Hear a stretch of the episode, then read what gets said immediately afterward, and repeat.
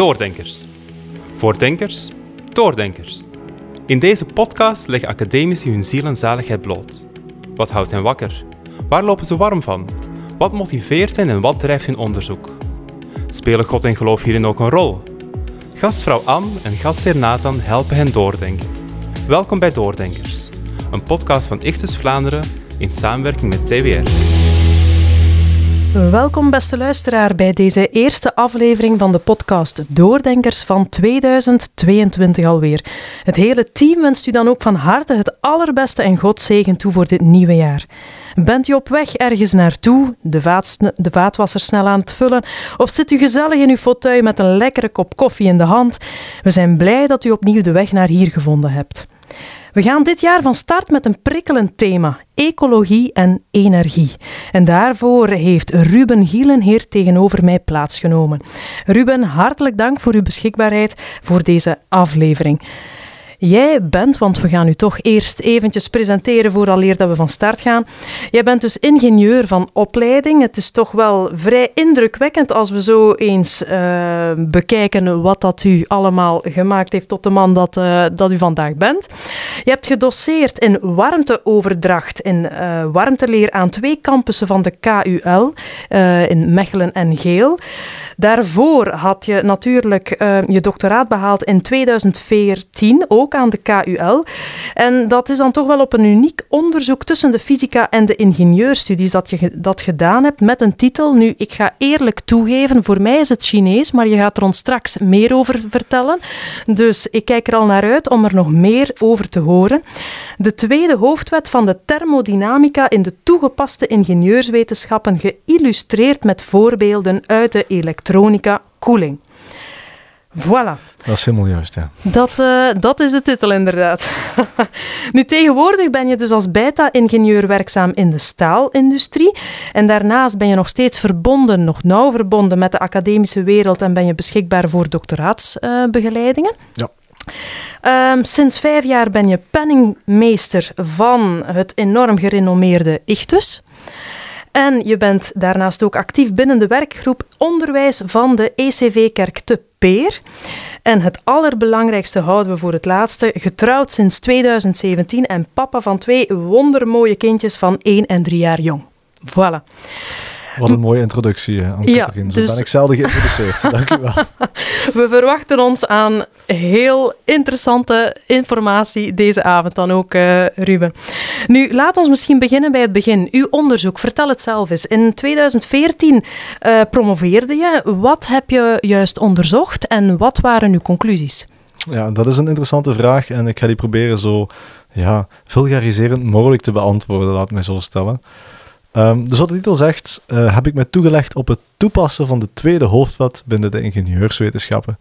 Nu, wat is dat eigenlijk, die tweede hoofdwet? Je hebt de eerste hoofdwet, dat is de befaamde behoud van energie, dat is de eerste hoofdwet. En de tweede hoofdwet die stelt dat entropie in een gesloten stelsel altijd toeneemt. Nu, dat is heel abstract wat ik nu zeg. Ik ga het proberen concreter te maken, zoals wij ingenieurs dat plachten te doen. Als je de tweede hoofdwet neemt, dan kun je eigenlijk de arbeidswaarde van energie bepalen. Dus ik, ik maak het heel uh, zal ik, tastbaar en historisch zelfs. Rond um, eind 18e eeuw hebben we de industriële revolutie met de stoommachines. En in het gezegende jaar 1824 was er een Frans ingenieur en wetenschappers die zich ging toeleggen op de arbeidswaarde van stoom. Dus die wou eigenlijk bepalen, ja, we hebben nu stoom en hoeveel arbeid kunnen we daar eigenlijk uithalen? Een heel praktische vraag. In die tijd was alles met paard en kar. En ineens was er de stoommachine. En die vroeg zich af, hoeveel paarden kunnen we eigenlijk vervangen door zo'n stoommachine? En die berekening die hij toen deed, was met de tweede hoofdwet. Want de tweede hoofdwet laat u toe om het arbeidspotentieel te bepalen van energie in de meest gunstige omstandigheden. Mm En nu, die theorie die bestaat, zoals ik zeg, al lang. Die heeft zijn weg gevonden ook uh, in elk ja, thermodynamica handboek dat een ingenieur vastneemt. En daar staat het geboekt onder de titel uh, het Gois-tot-Dola-theorema. En het concept beschikbare of maximale arbeid hebben ze dan ooit exergie gedoopt. Ook Grieks. En als alternatief voor energie. Nu, wat moet ik specifiek onderzoeken? En dat is op zich, vind ik althans, interessant. In al die handboeken staat het concept uitgelegd en wordt er ook een bepaalde ja, eigenschap toegedicht aan die exergie, die nooit helemaal bewezen is. En dat is het volgende. Door naar exergie te kijken van een groot systeem, zijn we in staat eigenlijk het potentieel dat we niet gebruiken te identificeren. En door te kijken naar het grootste ongebruikte potentieel, zouden we in staat moeten zijn om uit een groot complex geheel een kleine entiteit te halen waar het grootste potentieel zich situeert, die kleine entiteit in isolatie te verbeteren, om het vervolgens terug te steken in dat systeem en het systeem zou dan ook ineens beter zijn. Dus die, die assumptie als die echt zou werken, heeft dat grote gevolgen. Want dat wil eigenlijk zeggen, als je een heel complex systeem ziet, dat kijken naar dat systeem door die bril van exergie u toelaat het grootste potentieel eruit te halen, dat in isolatie te bekijken, wat veel simpeler is natuurlijk dan het geheel te bekijken, om vervolgens dat ding terug te steken in het systeem en het geheel is plots verbeterd. Dat was de onderzoeksvraag. Het wordt overal geschreven dat het zou moeten kunnen. En de vraag was eigenlijk, kan het? En als het kan, op wat is het gebaseerd? Vandaar ook dat ik niet bij de ingenieurswetenschappen kon blijven, maar naar de fysica ben moeten gaan om effectief aan te tonen dat het uh, niet waar was. Mm Dus dat was ook uh, natuurlijk een uitdaging op zich. Dus na, ja, ik durf toch eens zeggen, enkele jaren vroeten en, en tegen mezelf of, en tegen de muren oplopen en af en toe terug een wit blad te pakken, kwam ik tot de conclusie dat de, de assumptie niet correct was. En die heb ik dan ook moeten wereldkundig maken en publiceren. En dat heeft wel voeten in de aarde mm gehad. Um, Word je dan teleurgesteld? In zekere zin was ik wel teleurgesteld, ja. Want het was iets waarvan ik uitging dat het zeker zou lukken. Zo was het doctoraatvoorstel ook opgesteld. Mhm. Probeer het en haal het maximale eruit. Maar terwijl ik aan het proberen was, werd ik geconfronteerd met de gebreken. En toen dacht ik, oké, ik ga het niet meer toepassen, ik ga dieper graven. En ik ga kijken of er echt iets in zit in die theorie of niet. Mhm. En uh, dus zoals ik zeg, de fundamenten te bekijken, moest ik concluderen, er zit eigenlijk niks in. En dat is toch wel verbazingwekkend, omdat er een heel veld rond is opgebouwd. Het bestaat al redelijk lang en ook in tijden van bijvoorbeeld uh, het IJzeren Gordijn werd er heel veel onderzoek gedaan, zowel links ervan als rechts ervan. Dus ook heel veel literatuur in het Duits en in het Russisch heb ik moeten bekijken. Mm dus ja, er werd heel veel voorzegd, maar weinig bewezen. En uiteindelijk heb ik moeten zeggen, het, het heeft geen meerwaarde ten aanzien van de energieanalyse. En het was voor velen zeer moeilijk te verwerken. Ja, heb je daar dan reactie op gekregen na publicaties? Absoluut, ja. Mijn, mijn uh, hoe zal ik zeggen, mijn meest lijvige en meest gewichtige publicatie, daar heb ik, voordat het gepubliceerd werd, heb ik vijf weerwoorden moeten schrijven. Dus de publicatie op zich was zeven pagina's lang. En per rebuttal, zoals men dat dan mhm. zegt, heb ik 25 pagina's moeten schrijven ter verantwoording van de theorie. Dus het heeft uh, ja, nog heel veel frustraties, uiteraard. Je kunt je dat inbeelden, want de publicatie, eerste indiening en finale publicatie, denk dat een jaar en twee maanden tussen zat. En dus vijf rebuttals. Het was een intensief proces, ja. en dat was een cruciale publicatie, vooraleer ik mijn dissertatie uiteraard kon schrijven en uh, mijn thesis kon verdedigen. Ja, dat is dan eigenlijk echt wat je noemt uh, een groundbreaking uh, onderzoek dat je gedaan hebt. Ja, ja. ik denk het wel, ja.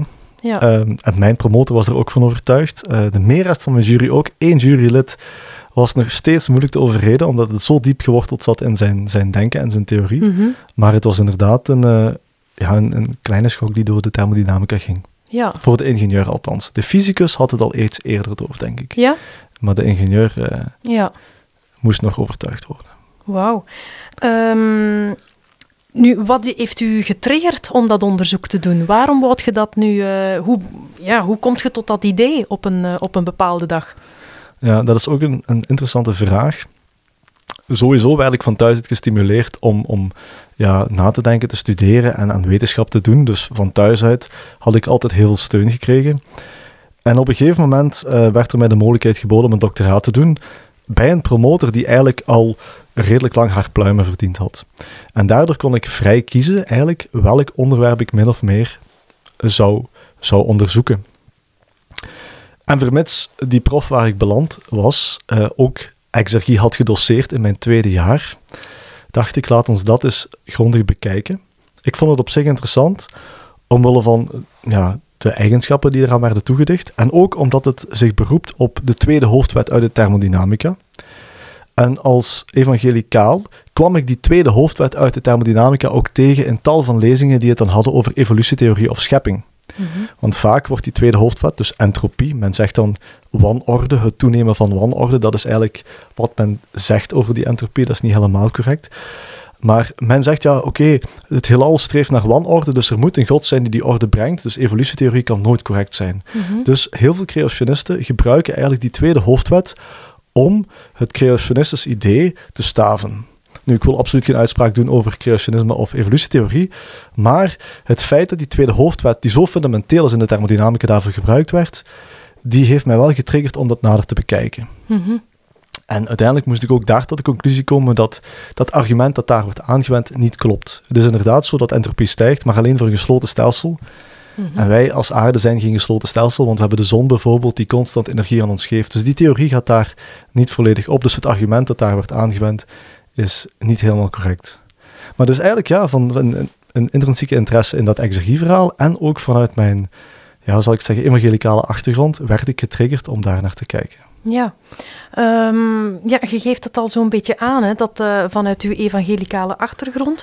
ehm, en dat je dan eigenlijk tot de conclusie komt eh, van dat het argument dat aangehaald wordt voor een eh, creationistische agenda, dat dat dan eigenlijk niet klopt. Zijn er nog andere lessen die interessant zijn voor een evangelicaal publiek of in bredere zin een christelijk publiek? lessen die je kunt trekken naar de, aan de hand van uw bevindingen uit uw doctoraat? Wel, het is natuurlijk een redelijk technisch doctoraat. Wat ik wel kan zeggen is dat het doen van een doctoraat, daar, daar, dat, daar kan ik wel een meerwaarde uithalen als christen. Ehm, in alle eerlijkheid, als doctorandus heb ik heel veel vrijheid gekregen en de mogelijkheid gekregen om echt te zoeken, te doorgronden en tot het, ja, tot het uiterste te gaan met een onderwerp. Ik werd ook niet gehinderd door eh, politieke zaken of andere belangen die meespelen. Nu in de, in de bedrijfswereld is dat toch licht anders. Moet ik veel meer rekening houden met veelal randvoorwaarden of de cultuur die aanwezig is in een bepaalde afdeling. Als doctorandus heb je de vrijheid om echt je toe te leggen op een onderwerp. En dat is heel bevrijdend en ik vind het ook heel fijn dat dat kan aan, onze aan onze universiteiten. Dat we dus de tijd mogen nemen om heel diepgaand te vroeten. En dat is misschien een klassiek gedachtegoed, maar ik ben het wel nog genegen. Ik denk wel dat door vroeten je ook dichter bij God komt, want God heeft de natuur gemaakt. En door daar echt naar te kijken en u daarop toe te leggen, ziet je ook de complexiteit. En voor mij staat dat ook gelijk met de grootheid van God. Hoe meer complexiteit ik waarnam, hoe groter God alleen maar werd in mijn gedachten. En dus Is in die zin... eh, Iets dat, dat je, een, een concreet voorbeeld dat je kunt geven, bijvoorbeeld een bevinding dat je op een gegeven moment... ehm, Ja, ehm, wel. Goh, een concrete bevinding, dat is, dat, dat is een moeilijk iets. Ja. Het is meer het ontdekken van eh, bepaalde systemen, hoe dat die werken, dat dat mijn verbazing alleen maar en mijn verwondering vergroten. Je moet zo zien, als je naar entropie gaat kijken, eh, voor Boltzmann, de man een briljant wetenschapper die helaas zelfmoord gepleegd heeft om het willen van het feit dat zijn theorie nooit geaccepteerd werd, was, was er de klassieke thermodynamica en hij bracht eigenlijk statistiek in die thermodynamica. En dat begrijp je op het eerste zicht niet, want dat lijkt onlogisch, maar als je dan die statistische modellen loslaat op de thermodynamica, op, op kleine deeltjes, dus wat doet men? Men stelt de werkelijkheid voor door heel veel kleine bolletjes. Men past er dan basiswetten op van Newton, die nog veel ouder zijn. En door die toe te passen, ehm, verklaren we eigenlijk de werkelijkheid die wij op macroschaal zien. Dus dat heeft mij wel in zekere zin verwonderd dat de microschaal nodig is om de macroschaal te begrijpen. mhm. En dat wist ik voordien niet. Dat is ook iets wat niet aan een ingenieur wordt gedoseerd, dat is meer de fysica en dan nog meer een aparte tak ervan. Maar door daarin te moeten graven, ja, dat vond ik wel heel knap dat, dat bepaalde statistische principes op microschaal de macroschaal echt dicteren Die wij allemaal als heel evident beschouwen. Bijvoorbeeld dat warmte gaat van een hoge naar een lage temperatuur, dat beschouwen wij als heel evident, maar eigenlijk is het dat niet. Mhm. En ja, door die evidentie te bekijken, steeg mijn verwondering eigenlijk. Ja, Dat mooi. durf ik wel te zeggen. Ja. Ehm, nu, jij hebt natuurlijk dus... Jij bent nu eh, werkzaam als beta-ingenieur. Na, ehm, uw uh, studies gedaan te hebben. Um, en dat brengt ons dan ook bij het, uh, het luikje ecologie en energie, waar dat we nog verder over gaan, uh, gaan spreken. Dus als ik het goed begrepen heb, dan houd, hou jij je als beta-ingenieur bezig met lange termijnvisies. Mm -hmm, correct. Um, nu, wat is uw energieprognostiek voor de komende 30 jaar? Oeh, mijn energiepronostiek voor de komende 30 jaar, dat is een lange horizon. Ja. Uh, wel ja, in België of globaal, misschien beginnen met België. Mm -hmm. Dat is een interessant gebied. Um, wij in België, wij zijn eigenlijk een beetje arme stakkers, want we hebben geen enkele resource. Dus we hebben heel weinig bronnen. Het enige wat wij hebben, en dat hebben de meeste landen wel, is wat wind en wat zon. Maar in België valt die zon eigenlijk redelijk tegen. Onze kustlijn is ook beperkt. Um, ja, dus, dus aan die kant, hernieuwbare bronnen, België heeft een beetje potentieel, maar zeker niet uh, het potentieel dat nodig is om de energievraag van vandaag te dekken. Dan natuurlijk, klassiek hebben wij veel nucleair, maar die is binnenkort ook uh, dicht. Ja, dan ben ik heel benieuwd wat, wat de toekomst brengt. Uh, er wordt nu gekeken naar, naar gas om onze elektriciteit op te wekken, want ja, energie is, is vaak gerelateerd aan elektriciteit, wat wij verbruiken, wat de bedrijven gebruiken. Nu, gas, dat weten we intussen ook. Uh, sinds een half jaar zijn die prijzen uh, ja, verachtvoudigd mm -hmm. op de Europese markt. Wij in België, wij hebben geen gasleiding. Wij voeren dat in van Qatar en van Noorwegen via de LNG-terminals in Zeebrugge. Gas is een moeilijk verhaal. Ecologischer dan steenkool bijvoorbeeld, helemaal akkoord. Maar uh, ja, ik denk toch dat België nood heeft aan een, een alternatief plan en een goed doordacht plan. En liever één vandaag dan morgen. En liever één ook op die kijkt naar de lange termijn. Misschien zoals je zegt, Anne-Catherine, naar die horizon van 30 jaar. Mm -hmm. In energie, uh, in het energielandschap is 30 jaar helemaal niet zo lang. Mm -hmm. uh, de bouw van centrales kost heel veel jaren tijd. Nog niet te spreken over de financiering erachter. Als we die energie dan opwekken, moet die ook getransporteerd kunnen worden naar de verbruikers. Dat zijn niet enkel de gezinnen natuurlijk, maar ook ja, openbaar vervoer, ik zeg maar iets. Of uh, veel industrieën die hier toch uh, een soort welvaart uh, genereren. Die, die leidingen moeten dan gelegd worden. Dat is ook niet altijd zo praktisch vanuit vergunningsoogpunt. Vanuit, ja, de mensen in de straat moeten daar ook mee kunnen leven. Dus ja, 30 jaar is, is zelfs niet zo heel lang om te kijken. Als we een, een gezond ecologisch energiebeleid willen hebben tegen 30 jaar verder, pak tegen 2050, dan moeten we daar vandaag mee beginnen. En wat zouden dan de elementen zijn waaruit zo'n ecologisch verantwoord, energiebewust uh, beleid bestaat? Wel ja, uh, dat hangt een stuk af van twee zaken, denk ik. Uh, enerzijds hoeveel geld dat we er tegenaan willen gooien. En dat is en niet alleen geld van de overheid, maar ook van onszelf. En in welke mate wij ons eigen gedrag willen aanpassen ook. Mm -hmm. uh, want dat kan wel zeker bijdragen. Nu hier zitten we in een lokaal dat uh, behoorlijk fris is, dus hier dragen ze iets te veel bij, denk ik, aan die ecologische voetafdruk.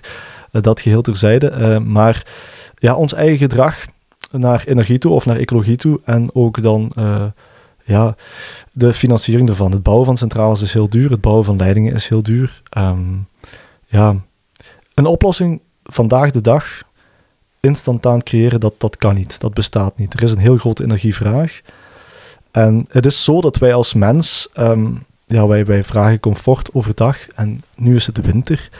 Ik ben blij dat ik een dak heb boven mijn hoofd en dat ik toch tussen muren zit waar er af en toe een beetje warmte gecreëerd wordt. Want anders zou het maar heel onaangenaam zijn. En misschien zou ik er zelfs ziek van worden. Dus we zijn niet gemaakt voor het klimaat. Mhm. Dus we hebben elementen nodig om ons te beschermen. Dus we zitten sowieso met een, hoe zal ik het zeggen, een, ja, een, een desynchronisatie met onze natuur. Mhm. Dat is per definitie zoals we hier wonen. Net hetzelfde geldt natuurlijk voor uh, processen in bedrijven. Uh, die kan men niet zomaar stilleggen, maar als men die stillegt, dan heeft dat veel gevolgen voor de machines. Als men die terug wil opstarten, kan dat dagen duren voor chemische plants. Dus die hebben een constante energievraag die gedekt moet worden. En dat is misschien ook belangrijk voor uh, mensen die een beetje geïnteresseerd zijn in energie. Energie kunnen we eigenlijk niet opslaan. Nu zal je zeggen, ja, maar er zijn toch batterijen? Dat is correct, maar dat is voor kleine verbruikers.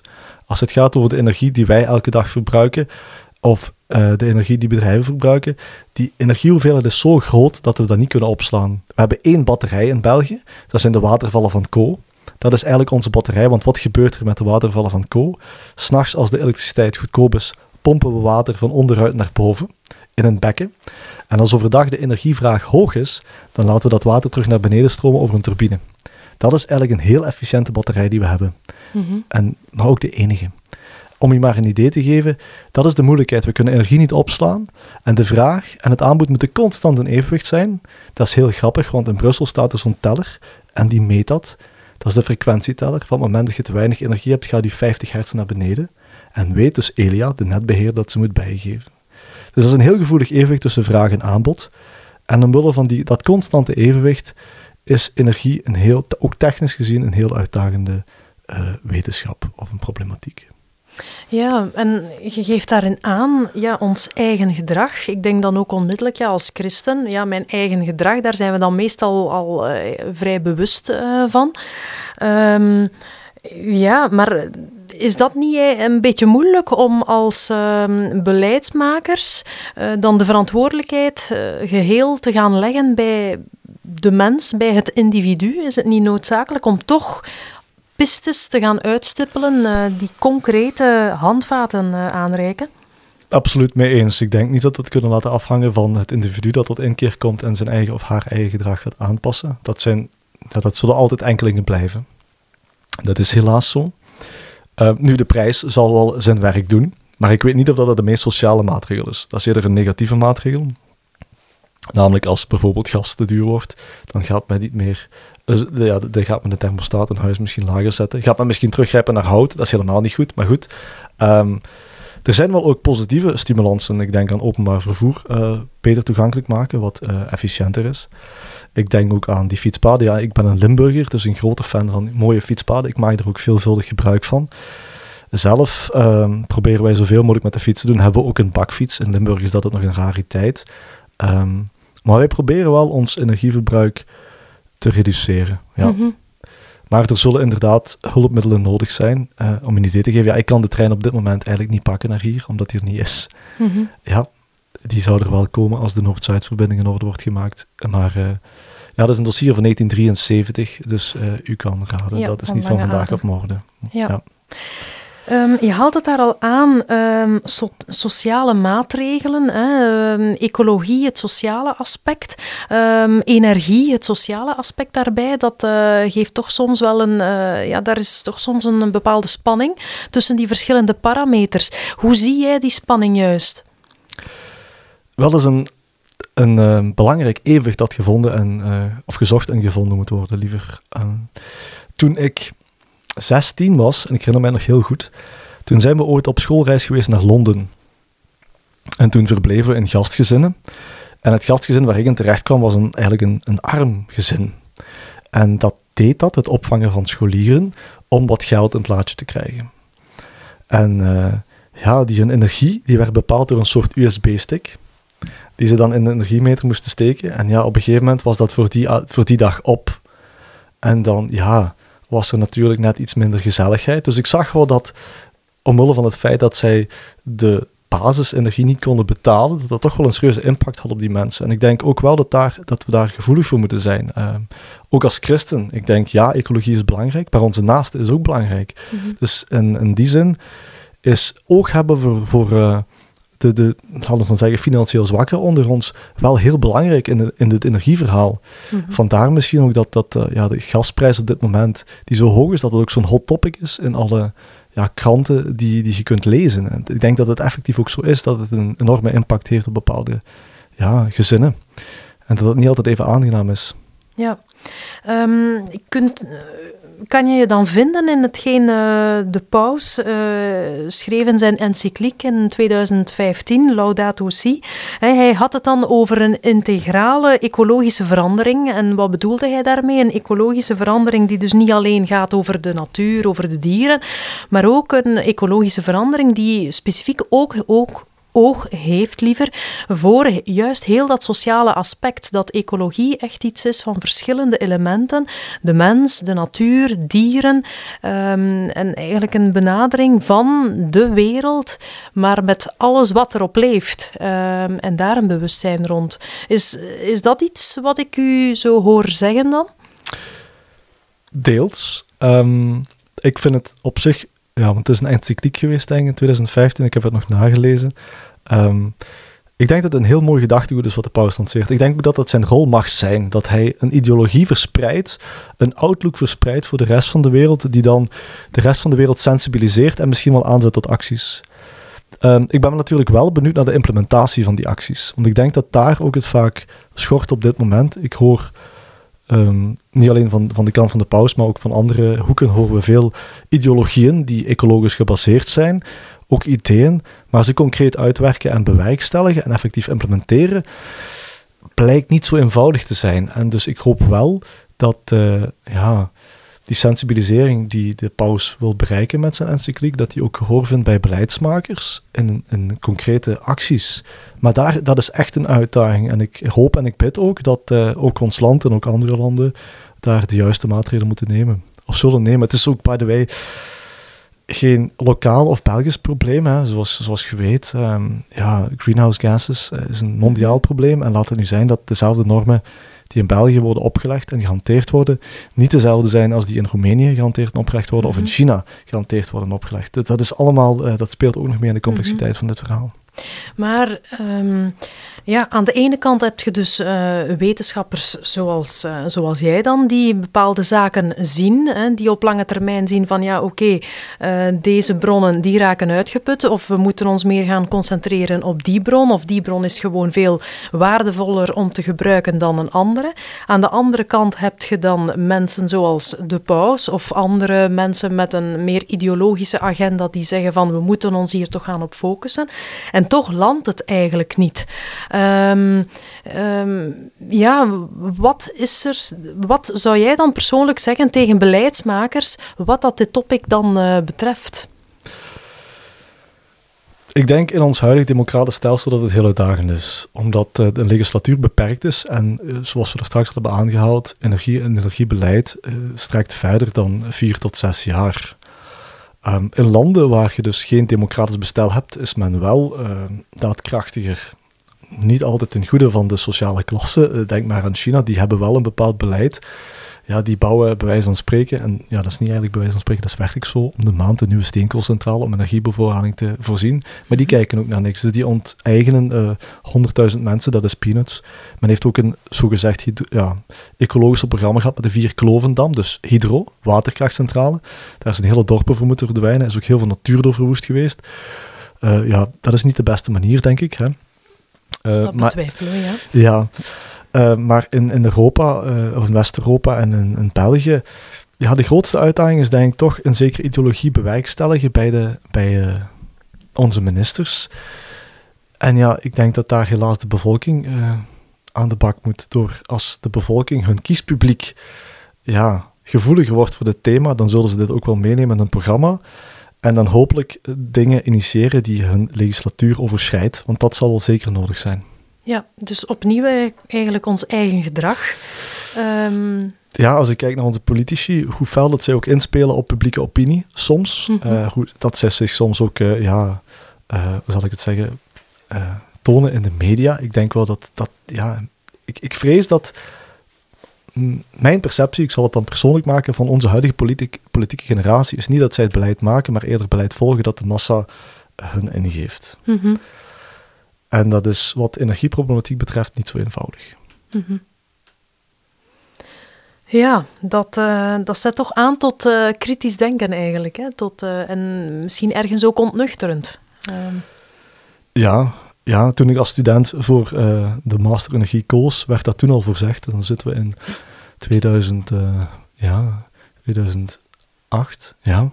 Toen zeiden ze al, het is nu al een probleem en het gaat alleen maar groter worden omwille mm van de politieke impasse. En de manier waarop ja, de politiek zulke ideologische beslissingen niet meer durft te nemen. Mm -hmm. Ja, want daar gaat het uiteindelijk uh, om. Hè. Ideologie, ethiek, uh, dat is een, ja. een, verhaal van daarvan. Hè. En niet beslissen is ook beslissen, ja. maar niet in het goede. Ja, ja.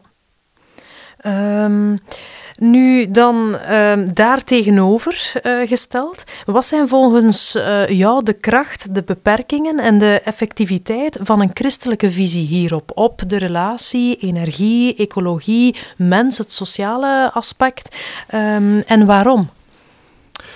Wel, ik denk als christen hebben we de verantwoordelijkheid over onze aarde, die is ons gegeven. We zijn rentmeester over onze, over onze planeet.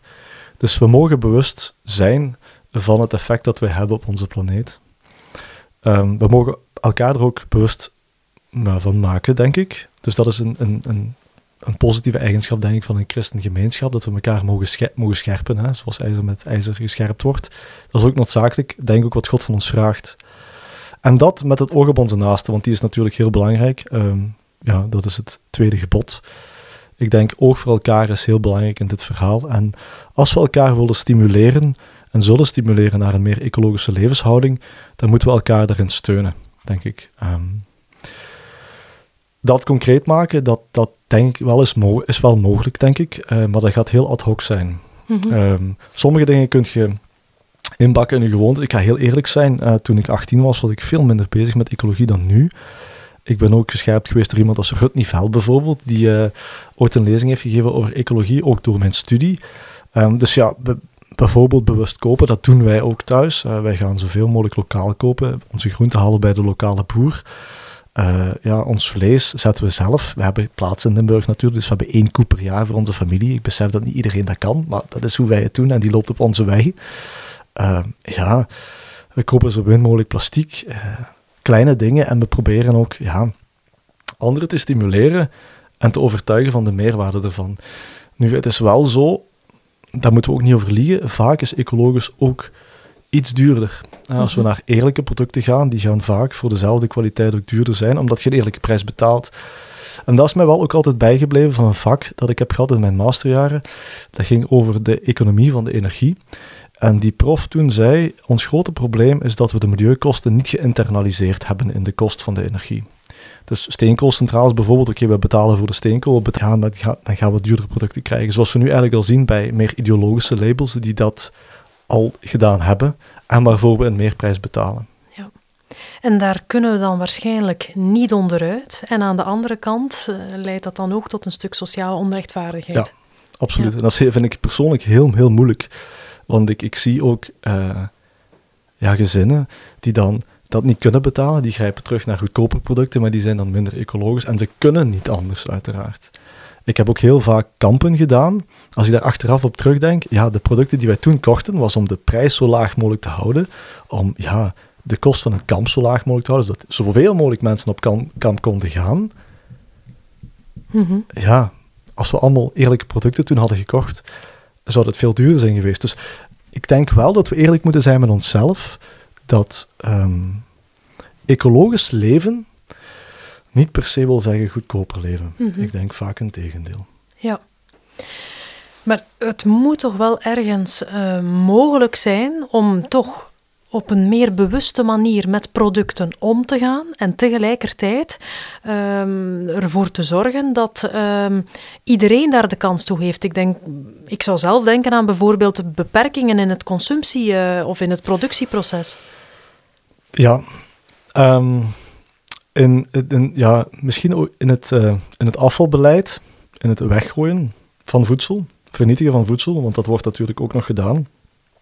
Um, ik denk dat er mogelijkheden zijn, maar ja, het zal geen evidentie zijn om dat te doen. Mm Ja, ik geef een ander voorbeeld. Um, op ons bedrijf hebben we natuurlijk veel computers staan. En die worden geleased. En elke vier jaar worden die vervangen. En ik heb al een paar keer gevraagd aan de IT-verantwoordelijke: zou ik die computers niet mogen overkopen om dan te geven aan een jeugdinstelling bijvoorbeeld, die heel moeilijk, of een school, want scholen tegenwoordig hebben ook een mhm. beperkt budget. Nee, die worden daar in de container gegooid buiten, die worden vernietigd, want door die terug op de markt te brengen, verstoren we de markt. Dat speelt ook nog altijd natuurlijk in zekere mate. En daar iets aan doen lijkt me ook belangrijk. Um, anderzijds, ja, we kopen ook vaker producten die kapot gaan. Als ik kijk naar mijn grootvader, die herstelde alles. Die herstelde alles zelf. En als ik nu kijk naar mezelf, als ik iets koop, ja, ik probeer ook wel dingen te herstellen, omdat ik denk, ik moet dat kunnen, ik ben ingenieur. Maar veel producten zijn niet gemaakt om te herstellen. Mhm. En ja, dat is ook zo'n zo'n moeilijke balans. Ja, het is een, het is een heel interessant thema to koer, omdat wij zijn er gericht om nieuwe dingen te kopen, nieuwe dingen te consumeren. Dat werkt natuurlijk een consumptiemaatschappij in de hand en een wegwerkmaatschappij in de hand. En we zijn ons daar misschien net iets te weinig van bewust. Want ja. we kunnen het heel concreet maken. Hè. Als ik een wagen zou kopen, stel je voor dat ik een ecologische wagen wil kopen. Die is niet goedkoop. En niet iedereen kan dat op dit moment. Nee. Ja. Ja, dan kom je terug, en de cirkel is rond, dan kom je terug bij de politiek die zaken moet mogelijk maken. Ik vrees daarvoor, ja. Ofwel men moet, met de prijzen anders gaan aanpakken, of men moet bepaalde subsidiemaatregelen treffen, maar daar gaan de liberalere uh, christenen niet blij mee zijn, als ik dat zo zeg natuurlijk. Ja. Oké. Ehm, is er een uitdaging die je de luisteraar zou willen lanceren wat betreft het thema ecologie-energie? Ehm, ja, ik wil graag pleiten voor nuance. Uh, ik denk in, in vele aspecten van het leven is nuancering belangrijk. En in dit thema, of in, wat dit topic betreft, heel zeker. Um, ik hoor veel, ik lees veel over energie. Dat is vaak heel eenzijdig. Over ecologie hoor ik ook heel veel.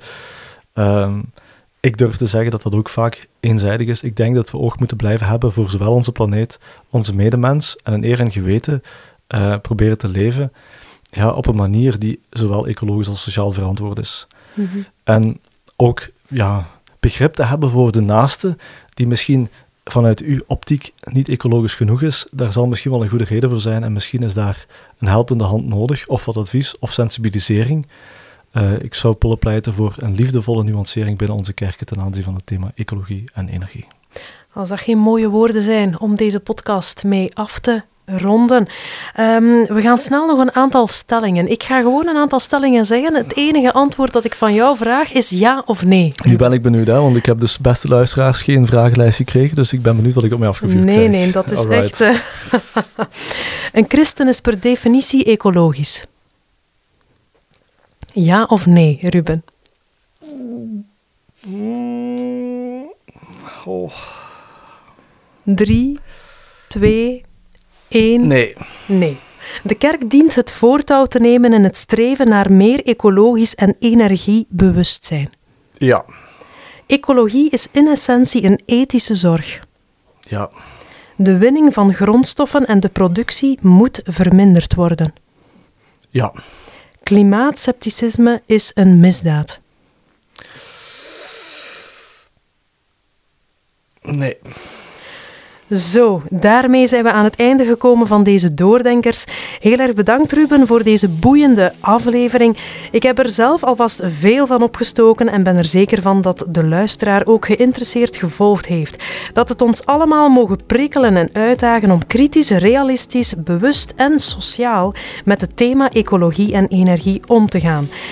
Dit was het voor deze keer. Volgende aflevering is het opnieuw aan Anne. Wie zij te gast zal hebben, blijft nog even een verrassing, maar stay tuned en tot volgende keer.